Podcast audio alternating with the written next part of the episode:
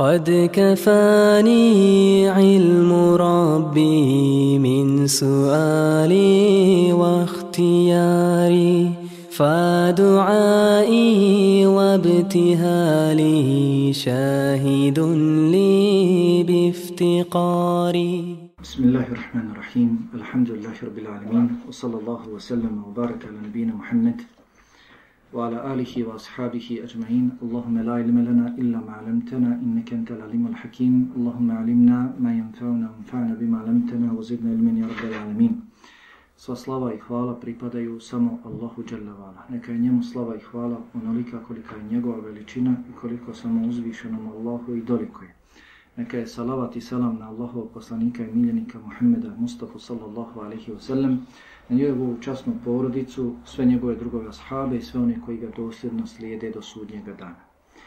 Obaviješteni ste večeras uz Allahovu dozvolu govorimo koliko nam Allah dozvoli u ovom predviđenom vremenu o pravima i obavezama bračnih drugova, supružnika u braku.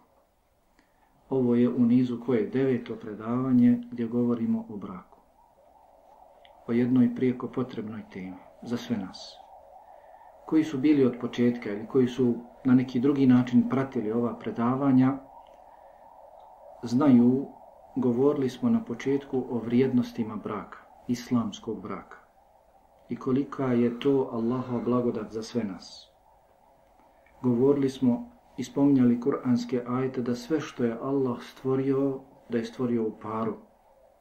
Da je od Allahovi zakonitosti, od reda i uspostavljanja reda na zemlji da čovjek živi sa drugim, s drugom osobom, odnosno dakle muškarac sa ženom. Kao što sve je Allah dželevala stvorio muško, žensko, tako i insana. Pa kažu islamski učenjaci da čovjek živi sam, bez obzira bio on muškarac ili žena, da se ne ženi, da se ne udaje, da je jedan od načina činjenja nereda na zemlji. Zatim spominjali smo kuranske ajete iz sure Rum, 21. ajet u kojem Allah dželle kaže da je brak jedan od njegovih ajeta, znamenja, dokaza wa min ayatihi an khalaqa lakum min anfusikum azwajan litaskunu ilayha wa ja'ala bainakum mawaddatan wa rahma. I od njegovih ajeta, od njegovih znamenja za ajet se kaže nešto što je nadnaravno, čudno, imamo dvije vrste, jel tako, Allahovih ajeta, ajeti koji se čitaju i ajeti koji se vide, gledaju. O njima se razmišlja. Kao što se razmišlja kada se uče kuranski ajeti, kada se čitaju, o njima se razmišlja isto tako o Allahovim ajetima, odnosno znamenjima, odnosno čudima, nadnaravnim stvarima, također se razmišlja. Pa ovdje Allah dželle kaže da je takav brak, islamski brak u kojem postoji milost, razumijevanje, ljubav između bračnih drugova, da je to jedno od Allahovih znamenja. Da bi doista bilo među supružnicima ljubavi, samilosti, da bi se smirivali jedni uz druge, Allah subhanahu wa ta'ala u tu svrhu propisao je prava i obaveze bračnim drugovima. Da bi živjeli sretno, u zadovoljstvu, u rahatluku, da bi ako Bog da imali kasnije hajli potomstvo i oni se učili na primjerima svojih roditelja i odgajali, Allah subhanahu wa ta'ala propisao je prava i obaveze svakom, kao svakom čovjeku, svakoj osobi, tako i u braku i muškarcu i ženi, svakom bračnom drugu. I da bi se dakle u najmanju ruku živjelo na takav način, moramo se držati ovih prava i obaveza. Imamo prava, ali imamo i obaveze. Kao i u svemu. Na poslu imaš svoja prava, imaš svoje obaveze. Hoćeš da ostaniš na poslu, hoćeš da nakon odrađenog posla dobiješ platu, imaš dakle obaveze. Moraš da izvršiš, izvršiš jedno od tvojih prava je plata. Isto tako u braku, ako želiš dakle da opstane brak tvoj, da živiš sa svojim bračnim drugom u slozi, zadovoljstvu, rahatluku, da se smirujete, da uživate jedno u drugom, jedno s drugim, morate ispunjavati svoje obaveze, jedno, jedno prema drugom. Zašto je najveći procenat razvoda brakova kod muslimana? Zašto najviše takvih slučajeva doživljavamo i čujemo i učeni ljudi budu pitani upravo od muslimana? Zašto kada čujemo stvari, slušamo iz muslimanskih brakova najčudnije stvari od kojih se čovjek stidi da ih spomene, šta se sve dešava među bračnim drugojima? Zbog toga, prije svega, što ne prihvatamo šerijetske tekstove. Što govorimo jezikom da smo muslimani. A u suštini, Allah najbolje zna, daleko smo od toga. Što u osnovi ne prihvatamo šerijetske tekstove. Kur'an, budući da je ovo jedno od Allahovih znamenja, i govorili smo tamo da ne oduzimam vrijeme, budući da je ova tema, kad sam počeo da brojim, morao sam da skratim. Nailazio sam na 30 prava žene kod nas, ovo rekao, neće valjati nikako se počne spominjati toliko. Da ne bih duljio, ako možete, vratite se tamo, dakle, na blagodati braka, islamskog braka. Ako su, ako su to tolike blagodati i ako je toliko vrijedno živjeti u braku i ako je to jedan od načina uspostavljanja reda na zemlji, onda zasigurno, onda zasigurno, jeli, imaju, ta, moraju se ispuniti te prave i obaveze. Moraju se ispuniti prava i obaveze da bi se, dakle, došlo do svega, do svega toga. Pa dakle, zašto mi ne živimo u takvim brakovima. Zašto je kod nas potpuno suprotnost prisutna u našim brakovima? Zato što nismo prihvatili šarijatske tekstove. Kako treba. Kao i u svakoj stvari. Zatim na drugom mjestu što mi te šarijatske tekstove o kojima Allah dželevala upravo zbog svih tih vrijednosti i blagodati tako mnogo govori u Kur'anu, tako mnogo Allahov poslanika alihi salacom u hadisima spomenu. Mnogo mi to ne prihvatamo. Allah o tome mnogo govori, poslanik alihi salaca mnogo o tome govori mi. Dođe do razvoda braka. I ah, veli, ja hoću po šerijatu da mi se presudi. Ja sam zadovoljan šerijatskom presudom, a nije živio po šerijatu. A nije živio po šerijatu. Savjetovali ga učeni ljudi, ovako, ovako, ovako postupaj, po svom cijehu postupao. Drugi razlog, je ovaj razlog što mi, ako prihvatamo šerijatske tekstove, prihvatamo i razumijemo kako mi hoćemo. Kako mi hoćemo. Ne vraćamo se na primjenu tih kuranskih ajeta i hadisa od strane prije svega Allahovog poslanika, alihi salucam, zatim ashaba. Ne, nego onako kako mi shvatimo. Zašto dolazi do problema u braku? Zato što muškarac, odnosno muž, nije shvatio svoju ženu, ne razumijeva svoju ženu, njenu prirodu i ona ne razumijeva svoga muža. To su najveći, zbog toga dolazi najveći problemi u braku, zbog toga pucaju brakovi. Što muž nije shvatio prirodu žene. Kako je Allah stvorio? Kakva je žena? Dobro nam poznat hadis, vjerodostajan hadis kod imama Buharije, kod drugih, u kojem Allahu poslanik alihi salacom na početku hadisa i na kraju hadisa oporučuje lijepo postupanje prema ženama. Oporučujem vam da se lijepo obhodite prema ženama. Zatim kaže, i ovaj hadis ima brojni citate, doista je žena stvorena od krivog rebra.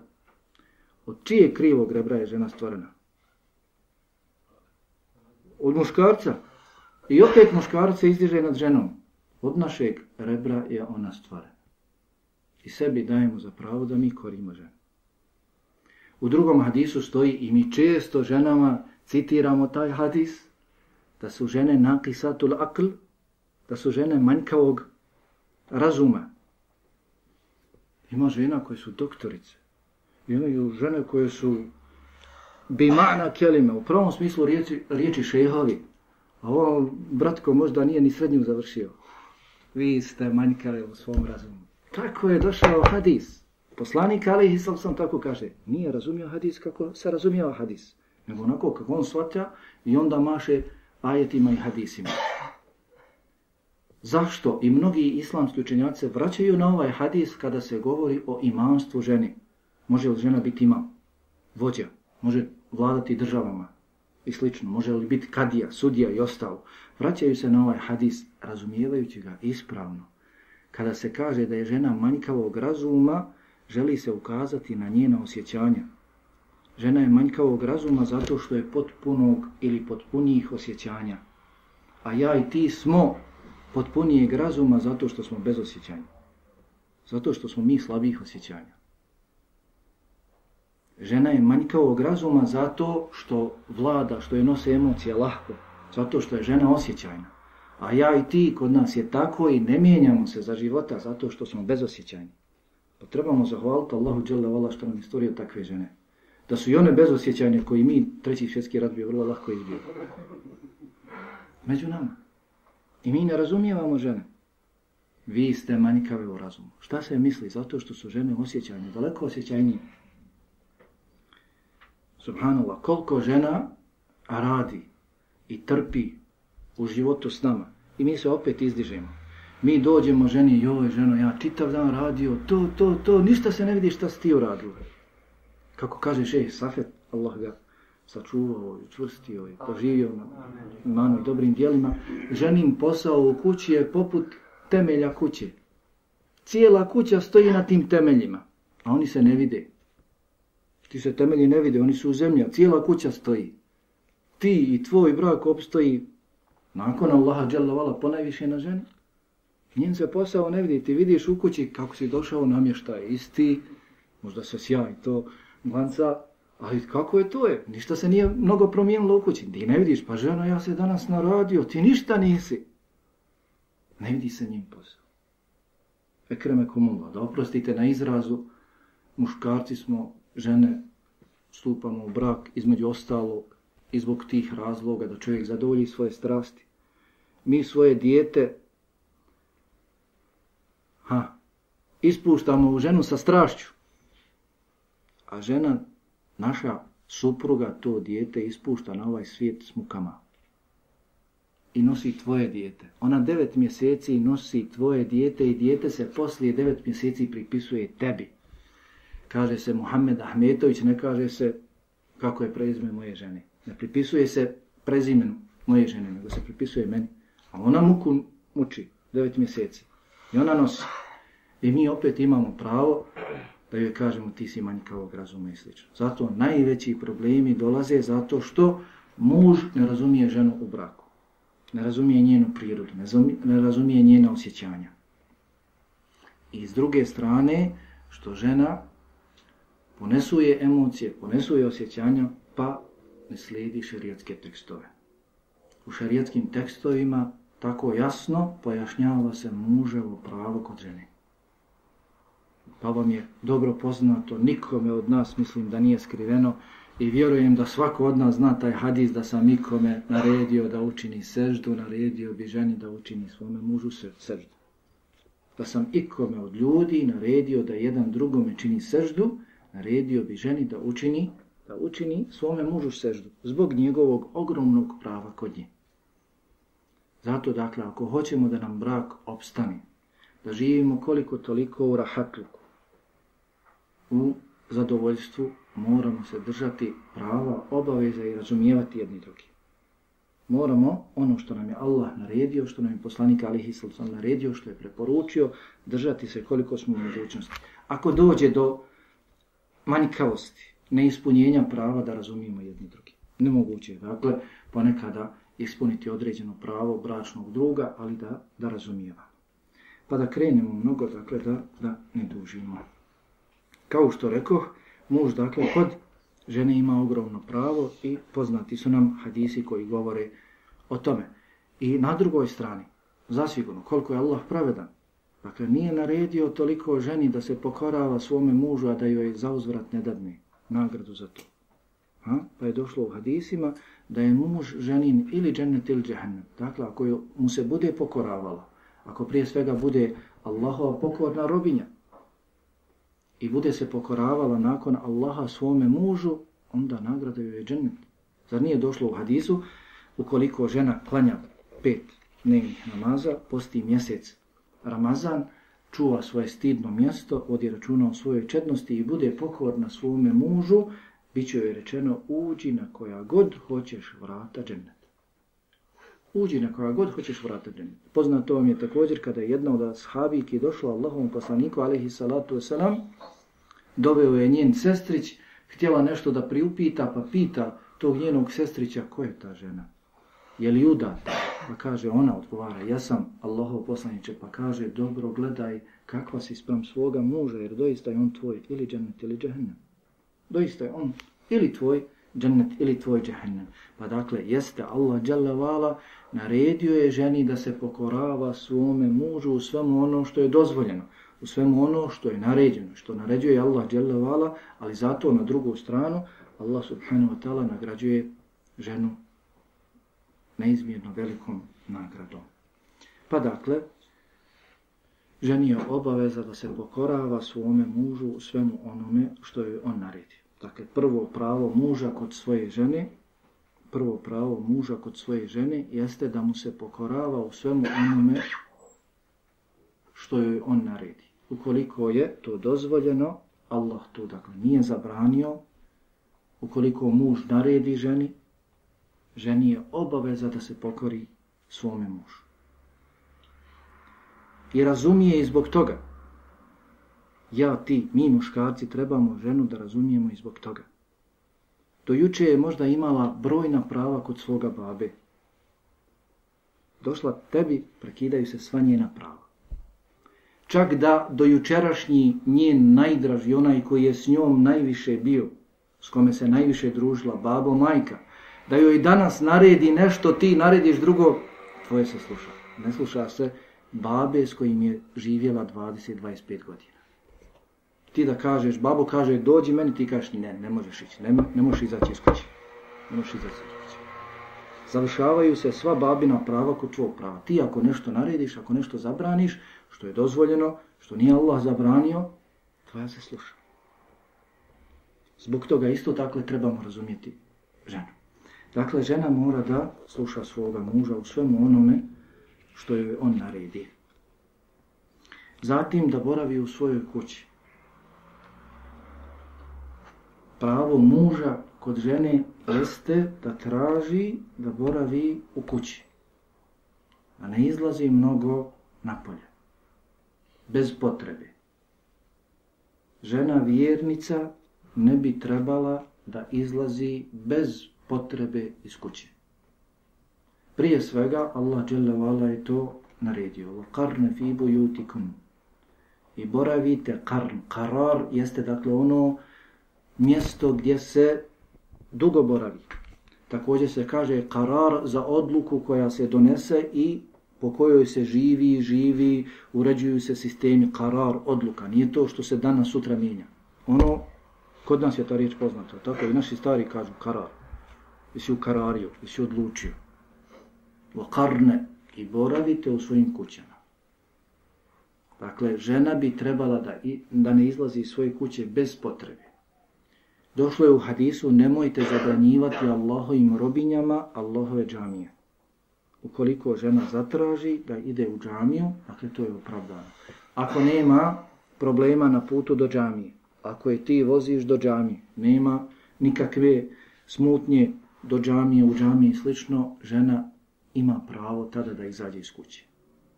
Ali opet, dakle, pod ovim uvjetima. Pod ovim uvjetima.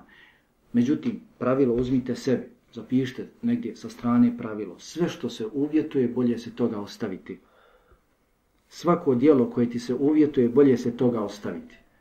Kada budeš upitan, mogu li obući ovu odjeću ili onu odjeću, koja je odjeća pa se počnu postavljati uvjeti ta, ta, ta, ta, taj uvjet, taj uvjet mora ispuniti odjeća, onda bolje nemoj oblačiti takvu odjeću. Uzmi osnovi ono što je dozvoljeno i to koristi. Dakle, ženama je dozvoljeno tada, ukoliko nema smutnje, ukoliko su sigurne na putu do džamiju, dozvoljeno da izađu. Ali je došlo u hadisu, ali neka znaju da su im njihovi namazi u njihovim kućama vrijedniji, bolji, pa je ženin namaz vrijedniji u, dža, u kod kuće nego što je u džami. Ali je na drugu stranu namaz muškarca u džami vrijedniji od njegovog namaza u kući. Obavezni namaze. Govorimo za obavezne namaze. I malo prije sam gore, kad smo bili, htio da kažem, i to je nama poznato. Ali nećemo da se povedemo njihovim stopama. Prva, prve generacije, zašto se takve generacije nikad više neće pojaviti? Generacija kao generacija. Zato što su se držali šerijatskih tekstova. Zato što su ih razumijevali na pravi način. Zato što su svoj život uskladili po tome, živjeli po tome. Nisu to bili tekstovi kao što je najčešće danas kod nas, samo se citiraju. Iscitira se, iscitira na predavanju spomine ajeta i hadisa, malo ko radi po tome. Zato se te generacije nikada neće ponoviti. Kao što je rekao Alija radijallahu ta'ala, sunnet Allahovog poslanika alihi salatu sam neće ostaviti ni zbog čije govora. Kogod rekao šta rekao, ja se neću ostaviti onoga što je rekao poslanik alihi salatu sam na čemu je bio. Kako kaže Ibn Mas'ud radijallahu ta'ala, sve dok se držimo predanja, budimo sigurni da nećemo zalutati. Sigurni smo da nećemo zalutati sve dok se držimo predanja koji se prenose, koje se prenose od Allahovog poslanika alihi salatu. Pa kaže Ibn Mas'ud, vezano za boravak žene, možda su neki pročitali, tamo sam spomenuo, nema boljeg ibadeta kojim će žena obožavati Allaha od bogobojaznosti. A bogobojaznosti je da čini ono što je Allah naredio i da se ostavi onoga što je Allah zabranio. I od boravka sjedenja u svojoj kući. Nema boljeg ibadeta za ženu da čini ono što je Allah naredio, zabranio od namaza, od posta, što je naredio, šta je zabranio i da sjedi u svojoj kući. Ibadet ženi, treba žena da to naumi, da to nanijeti, i da bude radosna. Ja i ti možda nismo u prilici da tako stalno činimo ibadet. Ona dok je u kući čini ibadet Allah. Jer je Allah rekao, وَقَرْنَ فِي بُيُوتِكُنْ I boravite u svojim kućama. Dokle god žena, žena ustane, probudi se, klanja, posle, ne znam, legne ili uči Kur'an, sjedi, pravi kahu, svo vrijeme u kući radi, sve je to ibadet. Boravi u svojoj kući. Pa kada ustane, neka nanijeti. Svaki ibadet mora imati, jel tako? Nijet, da bi bio ibadet da bio primjen kod Allaha dželova. Rečeno je jedno od supruga Allahovog poslanika alihi sallam, Sevdi, starija, jel, majka vjernika, koja je dala svoj dan Ajši, radijallahu anha. Rečeno joj je zašto ne izlaziš i ti iz kuće kao što izlaze tvoje sestre, ne majke vjernika, nego tvoje sestre. Pa kaže, hač sam obavila. Hač je, koje u mogućnosti, obaveza čovjeku. I umru sam obavila. Po nekim islamskim učenjacima također i umra je obavezna. Allah mi je naredio da boravim u svojoj kući. I ja neću da budem nepokorna Allah. I kažu, kako se bilježi, nije izašla iz svoje kuće nikako. Jedino kad, kad su je iznijeli. Kada je umrla. Njenu dženazu. Nije izašla osim tada. Zato su te generacije koje se nikad neće pojaviti više generacija kao generacija, koja se na istinski način prihvatala ili šerijetskih, šerijetskih predanja. Kaže šehol Islam ibn Taymiyyah rahimahullahu ta'ala, ženi dakle nije dozvoljeno da izađe iz kuće svoga muža bez njegovog izuna, bez njegove dozvole. Ukoliko bi izašla iz kuće svoga muža bez dozvole, bila bi prije svega nepokorna prema Allahu, poslaniku, a zatim i svome, zatim i svome mužu. I zaslužuje smijete li to snimati, zaslužuje da bude kažnjen, ukoren. Čak pojedini islamski učenjaci kažu da tada spada obaveza izdržavanja žene. Samo ukoliko izađe iz kuće bez pitanja svoga muža. Zbog svega ovoga žena također ima ogromna prava. Zbog toga što treba da boravi u kući, ima također pravo da joj sve obezbijediš u kući. Neka ne, ne zabrani se otkud sad to, kako ću ja boraviti svo vrijeme u kući. Ti, ah i moj, treba da joj obezbijediš sve da joj ništa ne fali u kući. Zbog čega onda? Koja onda potreba da izlazi iz kuće? Ako se razboli, normalno, ili hoće u džamiju i ostalo. Ali da onako ide u izlet, da čaršijom hoda, nema potrebe za to. Ako hoće da živi u islamskom braku, ako želi da ona djeca posle ne, ne, ne žele za ocen ili za majku.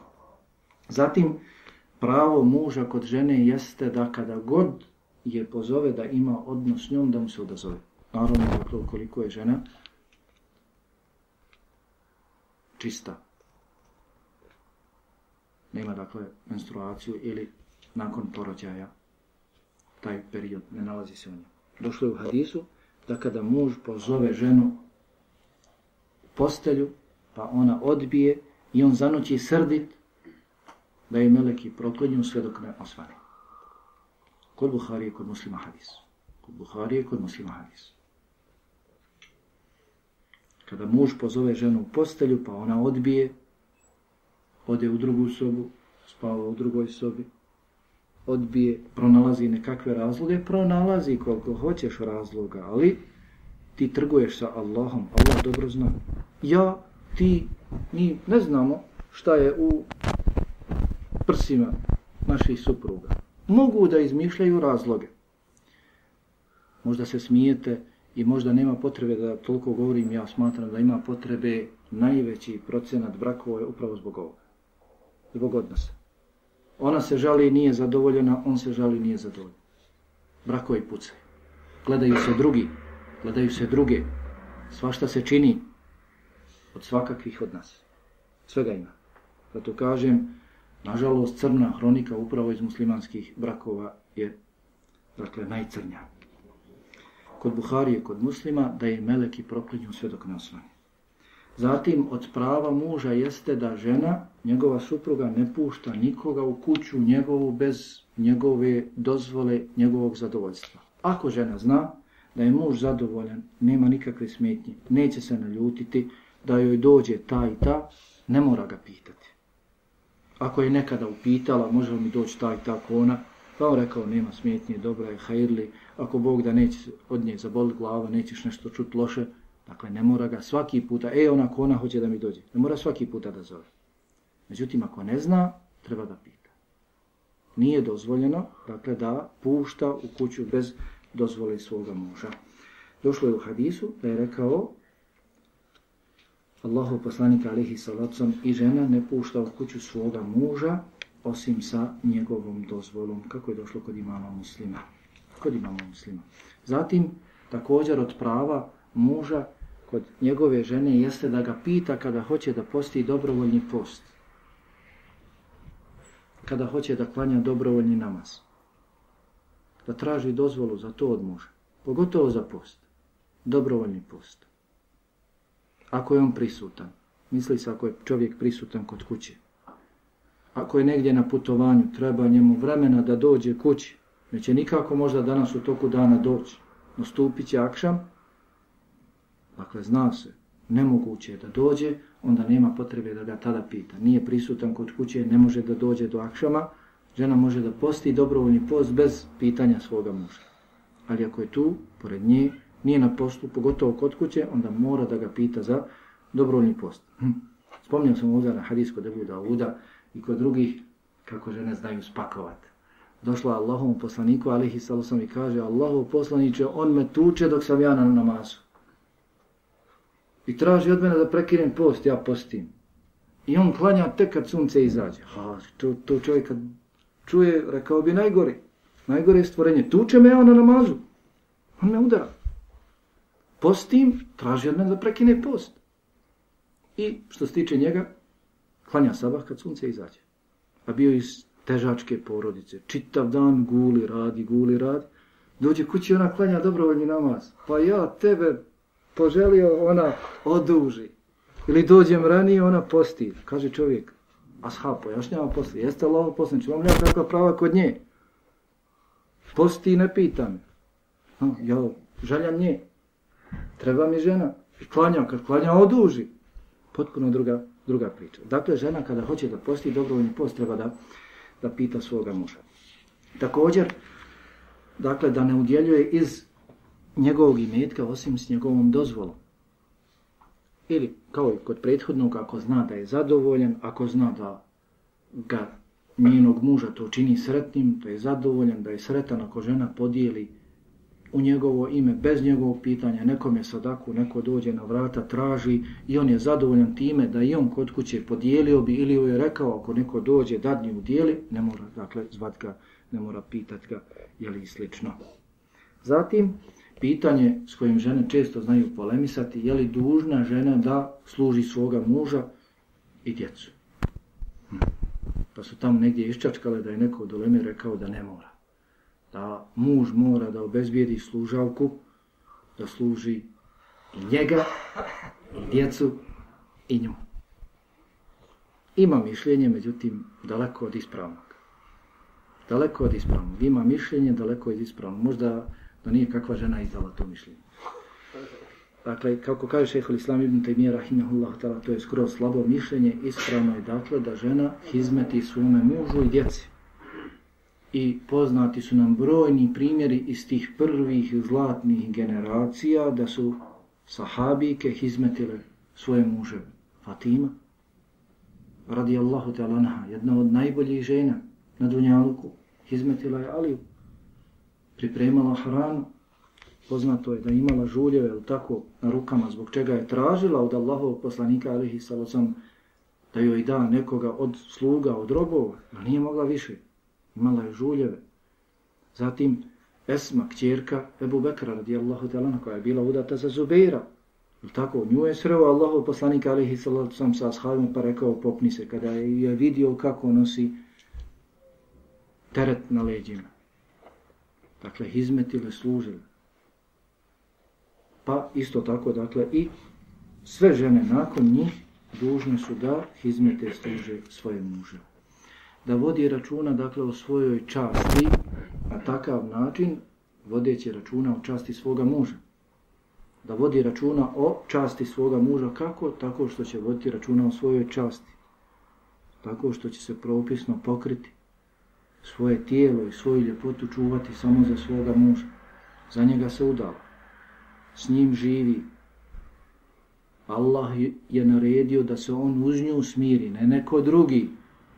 Allah propisao joj brak i ona stupila u brak da se muž uz nju smiri. A ne neko drugi da smiruje svoje poglede na njoj.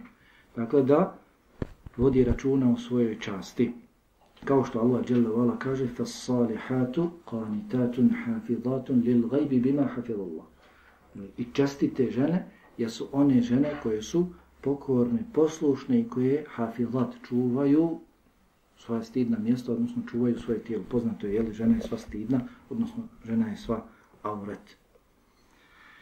Zatim da bude zahvalna svome mužu na svemu onome što je on obezbijedi, što je on priskrbi, što je on omogući od njenih prava, da bude zahvalna mužu. Jeste, Allah ga je obavezao time, on je nastojao da bude pokoran Allahu, da izvrši ono što me Allah naredio, ali ko se okoristio tim? Okoristila se žena. Treba dakle da bude zahvalna svome mužu na tome. Da ne prigovara, kao što rekao, nekada čovjek neće biti u mogućnosti da ispuni to pravo. Iako je Allah naredio, međutim nisu svi ljudi, nismo svi isti, neko može lahko, neko može teško, neko u određenom periodu ne može nikako da ispuni to pravo. Žena treba da razumije, ne smije da ga opterećava time, da bude zahvalna. Kao što se od muža traži da ono čime nije zadovoljan da pređe preko toga, da zažmiri i da gleda u osobinu koja će ga zadovoljiti, s kojom će biti zadovoljan, isto tako i žena. Ako muž je nešto udovoljio, neka prava obezbijedio, druga nije ili teško, s mukom popola, kroz izvjesno vrijeme bit će, takve ne smijemo prigovarati. Neka bude zahvalna na onome što joj je, što joj je jeli, obezbijedio. Došlo je u hadisu Abdullah ibn Amra, radijallahu anhuma, rekao Allahu poslanik alihi salatu sam Allah ne gleda u ženu koja nije zahvalna svome mužu. A ne može bez njega. Allah ne gleda, odnosno neće pogledati ženu, takvu ženu na sudnjem danu koja nije zahvalna svome mužu na onome što je bezbjedi, a ne može bez njega. Ima i žena vrlo brzo daj mi talak, daj mi razvod haj, da mi talak, razvede se, ode kući, ode kod roditelja, vidi kako je živio, kroz sam dana, kaj je vrati. Ne može bez njega. A nije mu zahvala na onome što je čovjek trudio, se vidi, se radi, nastoji da obezbijedi, pa nekada ne može, ne može odmah da to bude razlog razvoda, razvoda braka.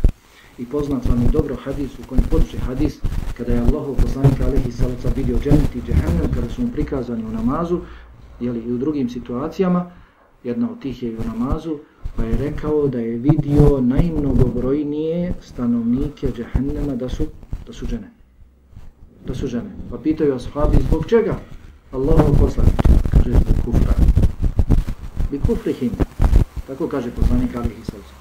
Kažu zbog kufra, zbog nevjerovanja Allaha, riječ kufra ima mnoga značenja. Osnovno značenje je prekrivanje, skrivanje, nepokazivanje, jeli, ne, već dakle zbog kufra, poricanja također, već zbog poricanja svega onoga što je muž obezbijedio, zbog nezahvalnosti svom mužu. Zbog toga, kaže poslanik Alihi Salsom, vidio sam da su najmnogobrojniji stanovnici džehennema žene. Zbog čega? Zbog toga što poriču dobro svojih muževa. Tu će žene uvoditi u džehennem. Pa nije mala stvar. Zato pamet u glavu. Zatim, da se uljepša svom mužu. Pravo muža kod žene jeste da se žena uljepša za njega. Ali tako i ti da joj kupiš odjeću. Tako. Jer će doći od prava žene kod muža jeste da joj obezbijedi stan, kuću, krov nad glavom, hranu, piće, odjeću, obuću. Ono ne može se žena uljepšat, dotjerat, nema šta obući i ostalo. Pa dakle, od naših prava kod žene jeste žena ako je ima da se uljepša, da se dotjera. Došlo je u hadisu koje su to najbolje žene. Eju nisa hajur. Tako poznat je hadis. Pa između ostalog poslanika Alihi Salotan spominje da kada je muž pogleda obveseli ga svojim izgledom, razveseli ga, drago mu bude. Pa dakle, to je od prava. Služit ćemo se, živimo na dunjalku. Život na dunjalku nije lahak. I ne trebamo jedni drugima otežavati još dodatno. Zato je Allah dželevala propisao brak. Ti koji si razumni, tvoj razum potpuni, a ona osjećajnija, slabijeg razuma, ti manje osjećajan, jedno drugo upotpunjavati. Pa tako, dakle, i kod ovog slučaja. Zatim, da ne prigovara svome mužu ukoliko ona prebaci nešto na njegov konto. Ako ona udjeli na njega, ako mu ona posudi novac, dođe žena sa imetkom od babe, ima tamo one kartice, pa skine i prebaci nešto na tvoj konto, nije u redu da prigovara. U osnovi, vjernik ne bi smio nikome prigovarati na učinjeno dobro, je tako? Kako je došlo u suri Al-Baqara, قَوْلٌ مَعْرُوفٌ وَمَغْفِرَةٌ خَيْرٌ مِنْ صَدَقَةٍ يَتْبَوْهَا اَدَرٌ Lijepa riječ i oprost, prelaženje preko učinjenog dakle prijestupa bolji je od sadake, bolji su od sadake koju prati prigovor. Kada ti dođe neko na vrata, dok odmaraš, u vrijeme kada odmaraš, spavaš i ona vali na vrata što koje hoće da izbije, kuca, kuca, kuca i ti izađeš, čovjek traži. Da mu pređeš preko toga što te uznemirava u to vrijeme i da mu kažeš lijepu riječ, da mu oprostiš, da mu kažeš lijepu riječ bolje je nego da mu dadneš da kažeš nikad više ne dolazi na vrata. Dadneš mu i posle prigovaraš. Ili ga sretneš i kažeš, ha, kakvo tvoje stanje, se popravo tvoje stanje, znaš da sam ti dao, gdje je ono što sam ti dao? Nije dozvoljeno nikome da se prigovara, pa za žena nije najpreča. Za žena nije najpreča. I muž. Dakle, ako si dala nešto svome mužu, posudila, dala, nemoj da prigovaraš i obrnuto. Dakle, sljedeće da bude zadovoljna s malim. Ha, jesi čula šta kažu? Da budeš zadovoljna s malim, da ne preopterećuje svoga muža preko njegovih mogućnosti. Allah dželle Vala kaže li yunfiq dhu sa'atin min sa'ati. Wa man qadira alayhi rizquhu falyunfiq mimma ataahu Allah. Onaj koji ima mnogo imetka, neka udjeljuje mnogo na svoju porodicu. Ali onaj kome Allah ili ograničio njegove mogućnosti, neka dadne onoliko koliko može. Shodno svojim mogućnostima, doista Allah nikoga ne preoptereće. Pa zato kažem, jedna od bitnijih stavki u našim životima moramo da budemo dakle zadovoljni jedni s drugima, da prelazimo kada primijetimo da nismo u mogućnosti da prelazimo jedni, jedni drugima. Poznat vam slučaj, ne bih htio da ponavljam mnogo iz onog predavanja, možete se vratiti, ali Ebu Darda radijallahu talan kada je oženio se, rekao je svojoj supruzi, ako te nekada naljutim, budi zadovoljna sa mnom. A ako ti mene naljutiš, ja ću gledati da budem zadovoljan s tobom, samo tako nam brak može obstati. Ako se budemo jedno drugome inatili, ha, nisi me obezbijedio ovo, nisi ovo, a ti nisi izašla kako trebao, kako je odjeći, nisi se namiricala, izašla kada si perutala piliće i ostalo, jedno drugom budemo inatili se, nema braka. Nema braka. Dakle, treba prevasti. Kao što kaže Imam Ahmed Rahimehullahu ta'ala, lijepo, od lijepog ponašanja, devet desetina lijepog ponašanja je u prelaženju preko grešaka. Da pređeš svojoj ženi preko greške koju, koja nije greška u vjeri. Da pređeš preko greške koju ti je učinila ili propust, nešto nije učinila, a trebala je da je učini i slično. Pređi preko toga. Došlo je u hadisu, jeli, da je rekao poslanik alihi sallam, neka vjernik, misli se u ovom hadisu, muž i žena, misli se, na njih dvoje. Neka vjernik ne prezire vjernicu. Ako bude prezirao neku njenu osobinu, ne bude zadovoljen nekom njenom osobinom, neka pogleda u drugu osobinu koja će ga, koja će ga zadovoljiti. Samo tako će brak opstati. Zatim, da ne čini ništa što uznemirava svoga njenog muža. Dakle, od prava muža kod njegove žene jeste da ne čini mu ništa što će ga uznemiriti. Što će narušiti njegove emocije, osjećanja, zdravlje i ostalo. Dakle, sve ono čime on nije zadovoljan, jer je njegovo pravo kod nje ogromno. Džennet ili džehennem.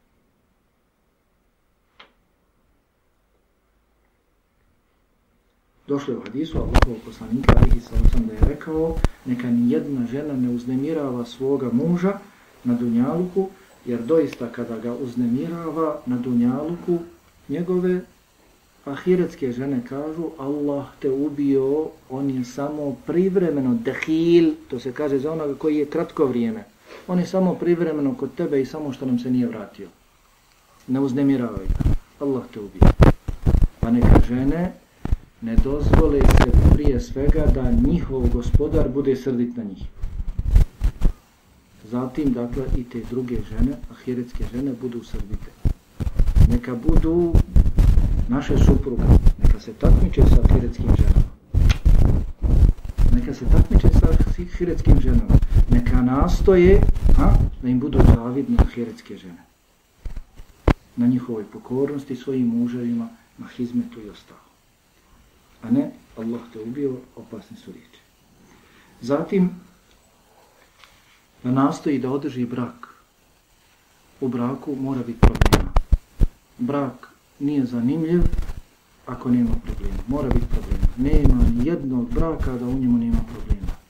Najbolji brak koji se ikada živio jeste brak Allahov poslanika alihi salusan bilo je i u braku Allahov poslanika alihi salusan s njegovim suprugama bilo je povišenog glasa od strane supruga, traženja i ostalo. Poslanik Alihi Salosam nikome nije činio nepravdu od svojih žena, ali, kao što rekao, emocije, osjećanja ponesu, pa se tražilo od njega, ne udjeljuješ nam dovoljno, više voliš Ajšu. Poslanik Alihi sam je, ko što je dao Ajši, dao je i svakoj drugoj ženi. Dam njoj, dam svakoj drugoj. Nije dao dirhem, srebrenjak, viška Ajši dao je onoliko koliko je dao i drugim ženama. Nije činio nepravdu, međutim, ha, žene su, kao što rekao, emocije ponesu, pa tražile i tražile. Zato, dakle, žena treba da nastoji da održi svoj brak, da očuva brak. U braku mora biti problema. Zakasni, ne dođe na vrijeme, ne dođe nikako, ne znam, ne ispunio je ovo, ne ispunio ono, ne smije se žena i nati, pa kaže, ha, nisi ti, meni neću nijat tebi. I gotovo treba da nastoji da održi brak. Brak je jedno od Allahove znamenja. Brak je velika Allahova blagodat. Jer i mnogo šta drugo šta žena dobiva tim brakom, zbog toga treba žena nastojati da očuva brak. Ima brakova koji se ne čuvaju i koji se ne žive samo zbog ljubavi. Eto mi tako kažemo, jeli ovi drugi ljudi koji nisu praktičari vjere, mi kažemo da su džahili, ili tako? Mi često termin koji koristimo za njih, džahil. Svima nam je to poznato, tako da ne bježimo od naše slavnosti. Ali šta ta žena džahilka svašta pretrpi u svom životu? Koliko bude prebijena, pretučena pod dejstvom alkohola i ostalo i opet živi. I rađa djecu. I, ne znam, muž na putovanju dođe možda u mjesecu jedan put kući. Ili dođe u godini dva, tri puta kući. I živi i dalje održava brak trpi, trpi, trpi. Kod nas jedno, nikada tebe nikakvog hajra nisam doživio. Razvod brak, podnosi, hoće da se rastane i ostane. Ne. Dakle, žena treba da nastoji da očuva, očuva svoj brak. Pogotovo, dakle, pogotovo ne smije da pomišlja na razvod braka, jer trgujemo sa Allahom. Allah dobro zna šta je u nama, Nemojmo nikada ovo zaboraviti.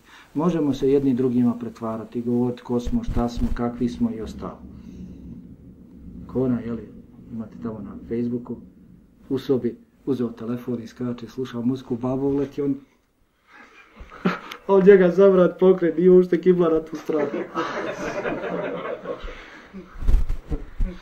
Može se pretvarati meni petom, desetom, kome god hoćeš, ali ne možeš Allah. Pogotovo, dakle, žena da traži razvod braka, a nema osnovanog razloga. Možda zagledala se u nekog drugog, ha? Zato što je izlazla iz kuće. Zato što je svašta u kući gledala. Ubacili smo šeitana, deđala, čoravog, jednokog, ubacili smo televizor i onda nemamo kontrole na tom televizoru. Jedan ušao u kuću i vidi oblik usana na televizoru. Pa kaže, čerko živa bila, šta si to radila, kaj nisam ja, nego mama.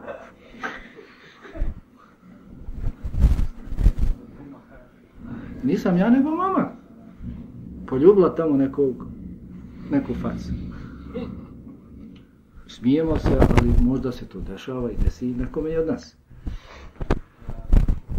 Pa dakle, traži razvod braka, hoće da se rastavi, spominje razloge, međutim sve to neosnovano. Može meni, tebi, petom, desetom, nije nikakav problem. Međutim, kaže poslanik Alihi Salocom, koja god žena bude tražila razvod braka bez opravdanog šerijatskog razloga, poznati su ona tri, jeli? Tri razloga, zbog kojih žena može da traži razvod braka, u osnovi je muž taj koji daje razvod braka, ali žena iz određenih razloga, ova tri razloga, može da traži razvod braka, to se da, dakle zove sporazumni razvod braka. Koja god žena bude tražila razvod braka bez opravdanog razloga, ona neće osjetiti miris dženneta. Pa učenjaci se razišli po pitanju tumačenja ovoga hadisa, pa jedni kažu neće nikako ući u džennet. Tako kažu jedni, Iako, dakle, ovo nije dijelo koje ženu izvodi iz vjere, tako? A ovi drugi su rekli, ući će u džennet, ali će joj biti uskraćen miris dženneta. Boravit će u džennetu, ali neće osjetiti miris dženneta. Pa dakle, i ovo drugo mišljenje da se uzme u obzir, nije ni malo lako. Nije ni malo lako. Hm.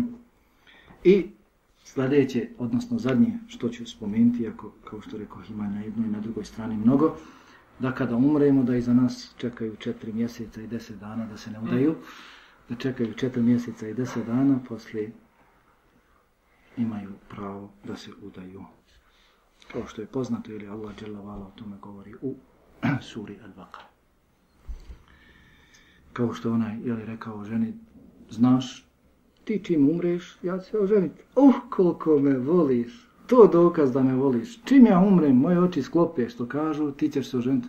Pa vola kaže, ja kad umrem, ti se oženi, ali ima onaj propis, kaže, ja sam ja pogriješio, nisam ja rekao četiri mjeseca i deset dana.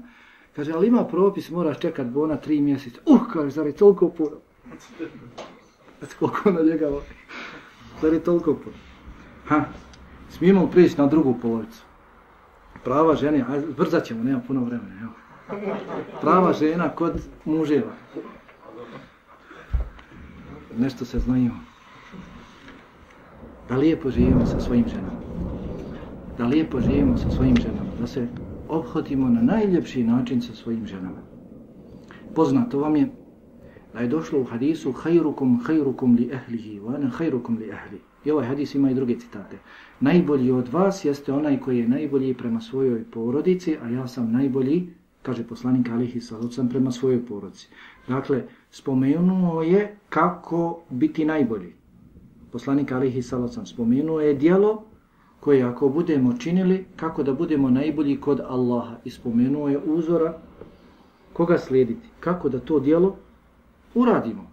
Pa je rekao, wa ene hayrukum li ehli, ja sam od svih vas najbolji prema svojoj porci. Dakle, postupajte onako kako sam ja postupao prema svojim suprugama i bit ćete najbolji kod Allaha subhanahu wa ta'ala. Zanimljiv citat, verzija ovog hadisa kod imama Tirmizije, šeha Albani ga ocjenio dobrim, gdje kaže poslanik alaihi salatu sam ekmelul mu'minine imana ahsanuhum huluqa.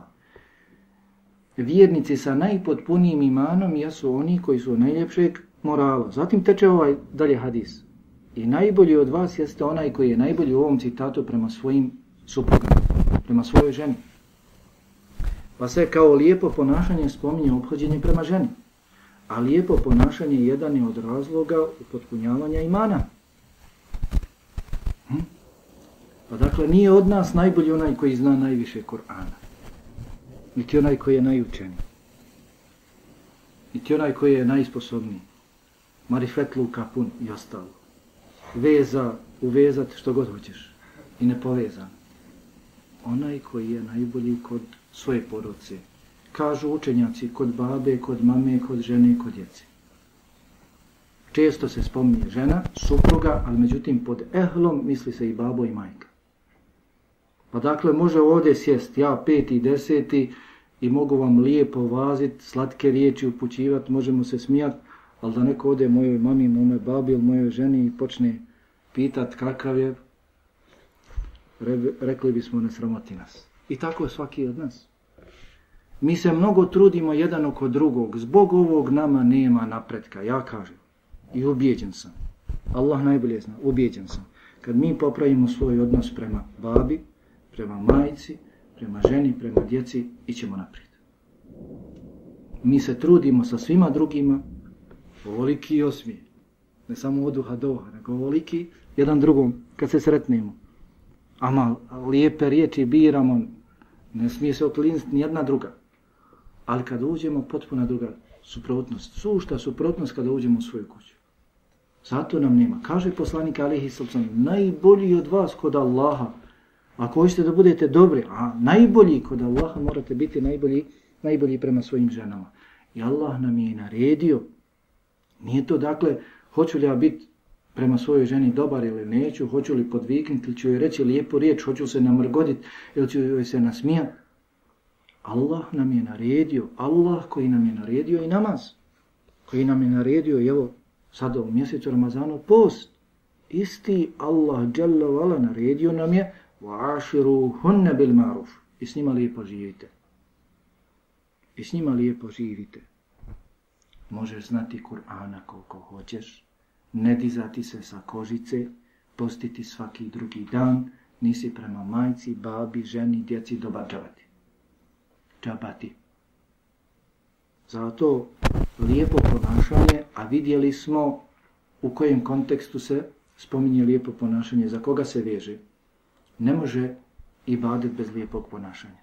Trudit se u ibadetu, obožavati Allaha subhanahu wa ta'ala, omalovažavati, zapostavljati prava Allaha i robova ne vrijedi.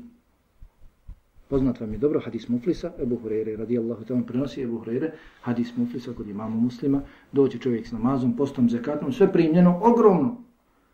Na kraju, na dno džahnama. Najdublje slojeve džahnama će biti bačen, zato što je udario, opsovao, ukaljao nekome čast, potvorio, slagao na nekoga i slično.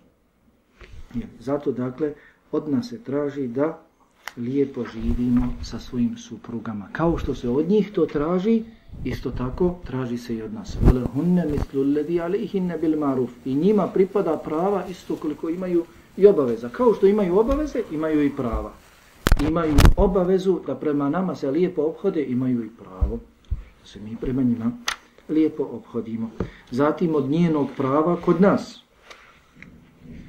od prava tvoje žene kod tebe i moje žene kod mene jeste da joj obezbijedimo stan, da je izdržavamo, da joj obezbijedimo odjeću, stan, hranu, piće, shodno našim mogućnostima.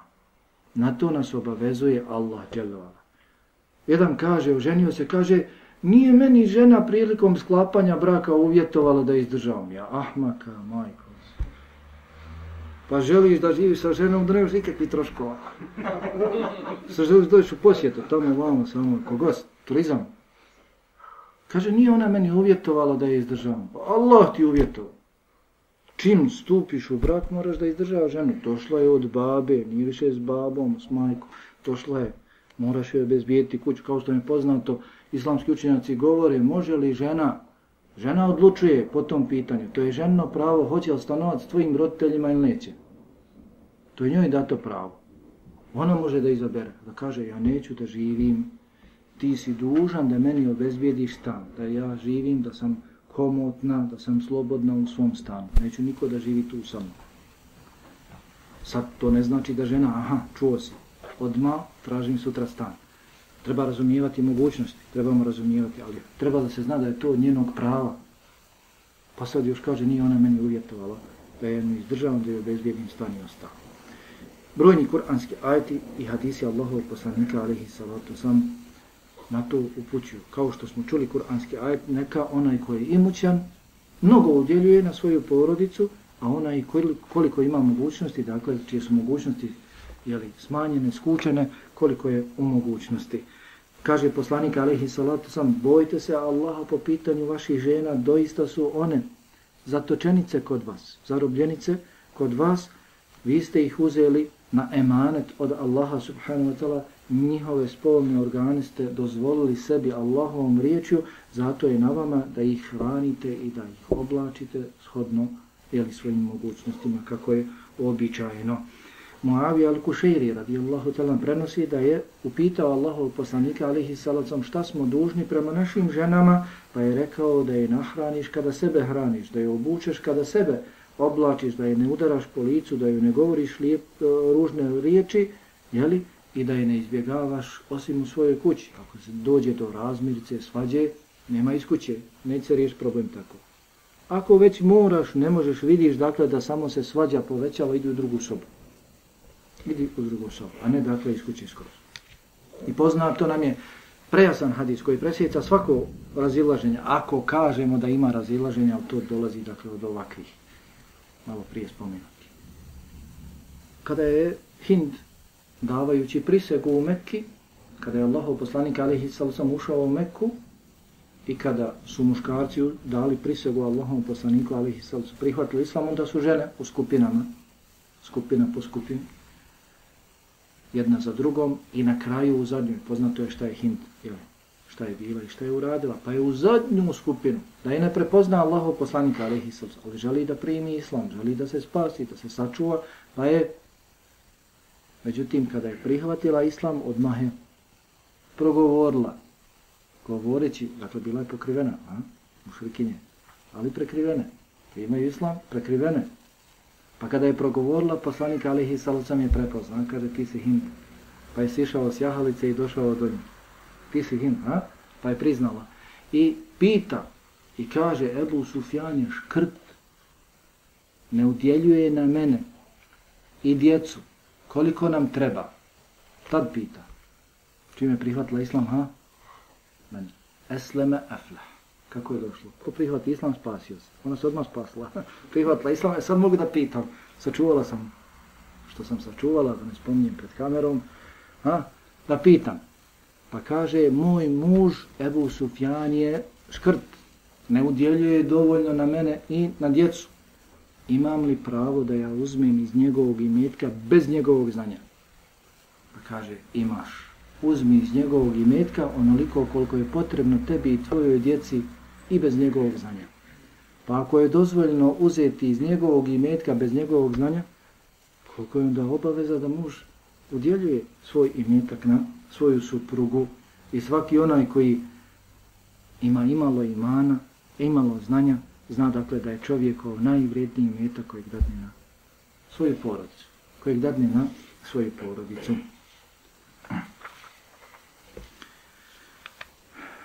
Kao što rekao, jeli, i ostalo, odjeća, obuća i jeli, slično. Zatim, e, sljedeće pravo žene kod nas jeste da odvojimo vrijeme za njih, za žene da se igramo, zabavljamo, razgovaramo sa svojim suprugama, šalimo. To je njeno pravo. Trebaju i one, čitav dan su s djecom, pope, popnu se na glavu, zvrka, trka po kući. Ne može se ona, koliko se trudila da se razgovori s djecom, ipak smiruje se sa svojim mužem i on se smiruje s njom. Pa dakle, traži se i od nas da odvojimo svoga vremena za svoje supruge. Odvajamo za sve druge, a one su najpreče. Odvajamo za svoju braću, odvajamo na poslu za kolege i ostalo. Žene su najpreče. Koliko najbolje neka svako sebi da odgovor. Koliko doista odvajamo vremena za njih. Pa se prenose brojni hadisi Allahovog poslanika alihi sallam. Zato je rekao, wa ana li ahli. Ja sam od svih vas najbolji prema svojoj porodici. Ako ćete da budete slijedite mene, da se takmičio sa Ajšom, je tako? U trčanju. Da je vodio na putovanja svaku, svaki puta na, na putovanje je vodio neko od svojih žena. U hadisu kod Buharije, kod muslima Aisha radijallahu talanha kaže kada bi se začuo ezan za saba, poslanik alihi salatu sam bi ustao i klanjao dva rekata kratko, brzo, pitala bih se da li bi proučio jeli, fatihu uopšte kako je brzo klanjao, zatim bi, ako bih ja bila budna, sjeo sa mnom i pričao, razgovarao. Ako ne bih bila budna, malo bi legao na desni bok čekajući kam. Praksa Allahov poslanika alaihi sallam nakon sabah namaza je bila da bi obilazio svoje supruge. Obišao bi sve, jeli, njihove kuće, sobe su bile oko mesčida i obilazio bi svaku od svojih supruga i pitao za stanje. Zatim bi ostao jeli, kod one žene kod koje bi trebao da ostane taj dan. Ili bi odlazio, obavljao poslove koje je trebao da obavi tog dana. I tako na večer posle jacije. Obišao bi sve žene. Pitao za njihove potrebe, zatim bi ostao ono veče jeli, kod koje bi trebao, trebao da ostane. Dakle, njihovo pravo kod nas jeste da odvojimo vrijeme za njih, da razgovaramo, da se zabavljamo, da se šalimo, da ih malo razonodimo i sl. Zatim, da ih podučavamo vjeri. Rekao sam ovdje jedan put na predavanju, ne ste nigdje u knjigama naći poglavlje da žena podučava muža i svoju djecu. Već dakle stoji poglavlje u knjigama fikha da podučava svoju porodicu, muž da podučava svoju porodicu. To znači da trebamo na predavanje nositi svesku jelovku trebamo pisati, pa kada se vratimo kući, ono što smo zapisali dobro, pročitati. Ne znam kakve ste ravije, kako pouzdano prenosite, pa zato trebate pisati ono što zapišete, to prenesite. Dakle, mi smo obavezni da se podučimo vjeri. Prije ili kasnije, shvatit ćemo svi mi i oni dole, da je uspjeh i spas u vjeri. Ali vjera ne može tek tako lahko čuvati se, graditi se, opstati u vjeri tek tako lako. Mora da se vjera uči. Prije ili kasnije shvatit ćemo svi da je spas i uspjeh u vjeri. Zato dakle trebamo vjeru učiti. Školujemo se četiri godine, neki i više, a ne možemo doći sedmično na predavanje. Na predavanje iz vjere od koje nam ovisi vječnost. Nemojmo misli da je vjera tako lahka. Inna se nulqi alejke qavlen thaqila. Kada je bio upitan imam Malik, Pa mu je rekao onaj koji pita, sada ću ti upitati lahko pitanje. Lahko ću ti postaviti pitanje. Nema lahkog pitanja. Nema lahkog odgovora. Nije tako lahko odgovoriti. Allah je rekao poslaniku alihi sallam, mi ćemo ti objavljivati težak govor. Težak govor. Nije da neko ne bude zastrašan, nije vjera teška za praktikovati, ali treba da se nauči. Treba da se vjera nauči. Zato dakle trebamo učiti vjeru, mi moramo biti naučeni da bismo podučavali njih. Nije svako u mogućnosti da dovede svoju ženu na predavanje. Ali ako on dođe na predavanje, neka prenese obavezno dakle ono što je naučio svojoj ženi. I dobro nam je poznato da nam je to svima obaveza da podučavamo druge koliko smo u mogućnosti, jel, kako Hadžija spomeni, i dostavite od mene makar jedan ajet, došlo je u hadisu, beli glanni voleo ajet, dostavite od mene makar jedan ajet drugima, pa oni su najpreče. Žene i naša djeca su najpreče. Zatim, kao što rekao, da ono čime nismo zadovoljni, da pređemo preko toga. A da gledamo, dakle, osobine s kojima smo, s kojima smo zadovoljni. Da ne tučemo žene, jer su stvorene od našeg krivog rebra. Od rebra muškarca. I to što su one takve, mi smo krivi, jer od našeg krivog rebra je. Pa nemoj da je tučeš, da kažeš, hodi vam. Ja ću tebe popraviti. Problemi u braku dolaze zato što muško nije shvatio što znači muško. Kako biti muško? Misli da je muškost u zavrtanju rukava i treniranju na ženi, u sparingu sa ženom, to muškost. Muškost je da pređeš, da saburaš. Ti saburajući na njoj, saburaš na sebi. Ona je od tebe stvorena. Saburaj na sebi i saburaj za sebe. Sabura iza sebe. Poznat vam je onaj učenjak Ebu Usman, ne saburi. Od ranih godina, od mladih godina počeo da traži znanje iz vjere. Bio na halkama. Pa ga primijetio jedan dido. Krenuo na hađ. I prije nego li je krenuo, došao o njom. I kaže, eto, sinko, ja te zapazio usput, nisput, stalno. Sveska, čitabi, svidio si mi se plaho. Ja idem na hađ, ne znam hoću li se vratiti. Imam kćerku, volio bih je udat za tebe. A ovaj je bio stidljiv. Pa kaže, prijevatno. Kaže, kad mi je doveo, kaže, vidio sam da je slijepa u jedno oko. Ne vidi. Da je, da Allah sačuva izgleda. Lice. I još hramljeno jednu nogu. Ali kaže, toliko me je voljela. Hizmetila i voljela da, da nije obaveza namaz u džami, ne bi mi dala izaći iz kuće. Kada hoću da izađem na namaz, zalijepi se za mene. Teško se rastaje od mene. Pa zbog te njene ljubavi ja sam nastojao da se prema njoj obhodim kao na najljepši način. Kaže, a živio sam ko na lomači. Kakvog je izgleda? Kako izgleda? I, I ovo je rekao kada je bio upitan za dijelo za koje se nada da će ga uvesti u džennet. Kaže, živio sam s njom 15 godina. Nikad joj nisam dao do znanja da ima nešto u mojoj duši prema njoj. Nikad joj nisam dao do znanja. Pa dakle, gledao je u te njene dobre, dobre osobine. I to je muškost. Da saburaš. Radi ako Bog da sutra svoga, svoga dobra. A ne dakle da je ispravljaš zavrćući rukave i popravljaš. Kao što reče poslanik alihi salatu oslam, i da je ne izbjegavaš osim u svojoj kući. Dakle, ako dođe, a dođe, i mora doći do razmirice, do podignutog glasa, neusaglašavanja, jeli? onda, dakle, da ne ideš iz svoje kuće, da je ne izbjegavaš, nego, dakle, u drugu sobu. Zatim, dakle, da vodiš računa, njeno pravo kod muža jeste da vodi računa o njenim potrebama za odnosom. Mišljenje koje će ti neki reći ti si dužan da pređe, priđeš svojoj supruzi jedan put u četiri mjeseca je slabo mišljenje. Nisi grešan pred Allahom ako prođe četiri mjeseca. To je slabo mišljenje. Već je dakle ispravno mišljenje kao što ti kada imaš potrebu i kako bi sačuvao svoju čednost poziva ženu u postelju i ona ako se ne odazove, čuli smo šta je sleduje. Isto tako je žena, ako ima svoju, ima potrebu, mi smo dužni koliko smo mogućnosti da odovoljimo njenoj potrebi. Nema ograničenja. Mjesec, dva, četiri. Ne.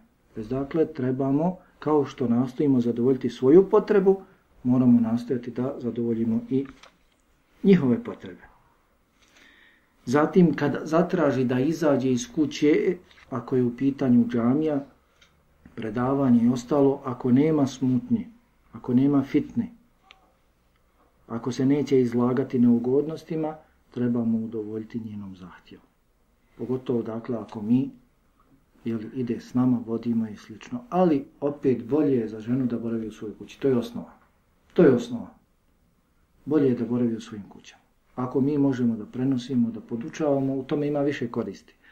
Marljiviji ćemo biti na dersu, pisat ćemo, slušat ćemo, razumijevat ćemo kako nam je rečeno, kako bismo prenijeli, kako bismo odgojili svoje porodce. Imaćemo za to nagradu. Ovako dođu one tamo trgovinu, počnu trgovati, pričat, hoće li šta čut, neće, žena šta čula, malo vala, pričaju o nečemu, smijali se i ovako. A ništa se nije zapisalo, ali ti kada pišeš, zapisuješ, pamtiš, prenosiš, i od samog prenošenja učvršćuješ svoje znanje kada prenosiš, imaš nagradu u podučavanju, odazivaš se kuranskom majetu, čuvajte sebe i svoje porodice od džahannamske vatre, mnogo koristi. Zatim da ne iznosiš njene mahane. Od prava žene kod muža jeste da ne govori o njoj drugima. Kao što nam je poznato, u Kur'an i Kerimu ne spominje se imen jedne žene, izuzev Marijeme, zato što nema muža, pa je njeno ime spomenuto. Zato što nema muža. Nije spomenuto ni jedno drugo ime neke druge žene. Nije spomenuto. Pa muž treba da bude ljubomoran. Da ne govori nešto lijepo, pozitivno o ženi, a kamo li negativno? Kamo li da spominje njene mahane, ona ovakva, ona onakva, joj što mi je žena nikakva, Bože sačuvaj. Već dakle, to je pravo žene kod svoga muža da šuti, da ne gleda u to, da pogleda u nešto s čim je zadovoljan. Kamo li dakle da govori o drugom. Zatim da se on uljepšava za nju kao što voli da se ona uljepšava za njega. Od prava žene jeste da muž obuče lijepo odjeću, da se namiriše, da pojede porciju ćevapa s lukom, jel, kad dođe kuće, u drugu sobu mora ići, pa ponesi onda i njoj bare. Ja. Kao što je rekao Jalla wala wala hunne mislu alladhi alayhinna bil ma'ruf. I one imaju prava kao što imaju obaveze. Pa kao što volimo da se one uljepšaju za nas, volimo da ne, čuju, ne, da ne čujemo neugodni miris od njih, isto tako dakle, i one imaju pravo kod nas. Da imamo lijepo mišljenje o svojim suprugama. Da imamo lijepo mišljenje o svojim suprugama. Počesto a, razlog koji može dovesti na kraju i do razvoda braka jeste prekomjerna prevelika ljubomora. Dakle, treba dobro voditi računa. Ljubomora mora da postoji, ali prevelika ljubomora može da dovede do razvoda braka. Zato treba čovjek da ima lijepo mišljenje o ženi. Kada ode od kuće, kada ostavi ženu kod kuće, da ima lijepo mišljenje o svojoj ženi. Neki, kada hoće na put, na duže putovanje, ostave stvari u stanu, na određenom mjestu i kad se vrate, prate. Jesu one stvari na istom mjestu. Malte ne gleda na onaj prag, vidi li se čiji otisak ili se ne vidi. Prašina, nek ima prašine, bolje da ima prašine. Jesu. Prevelika ljubomora, samo čovjeka razdire. I na kraju može i da dovede do razvoda braka. Dakle, treba čovjek da ima lijepo mišljenje o svima. Naša majka, babo, žena, oni su najpreći. Tako, zabranjeno nam je da imamo loše mišljenje o sure ili huđurat, to ne pozna. I druga prava, o tom potom ako Bog da, onaj ko se bude, čuj, ko se bude, onaj ko je oženjen, dakle, neka, neka se podučava, neka proširuje, dakle, ovu tematiku kako bi doista između njega i njegove supruge ili između nje i njenog muža vladala ljubav, samilost, sloga, kako bi se smirivali jedno u drugo i kako bi živjeli u jednom od Allahovih znamenja, Allahovih ajeta. Subhanakallahu wa bihamdika, ashhadu la ilaha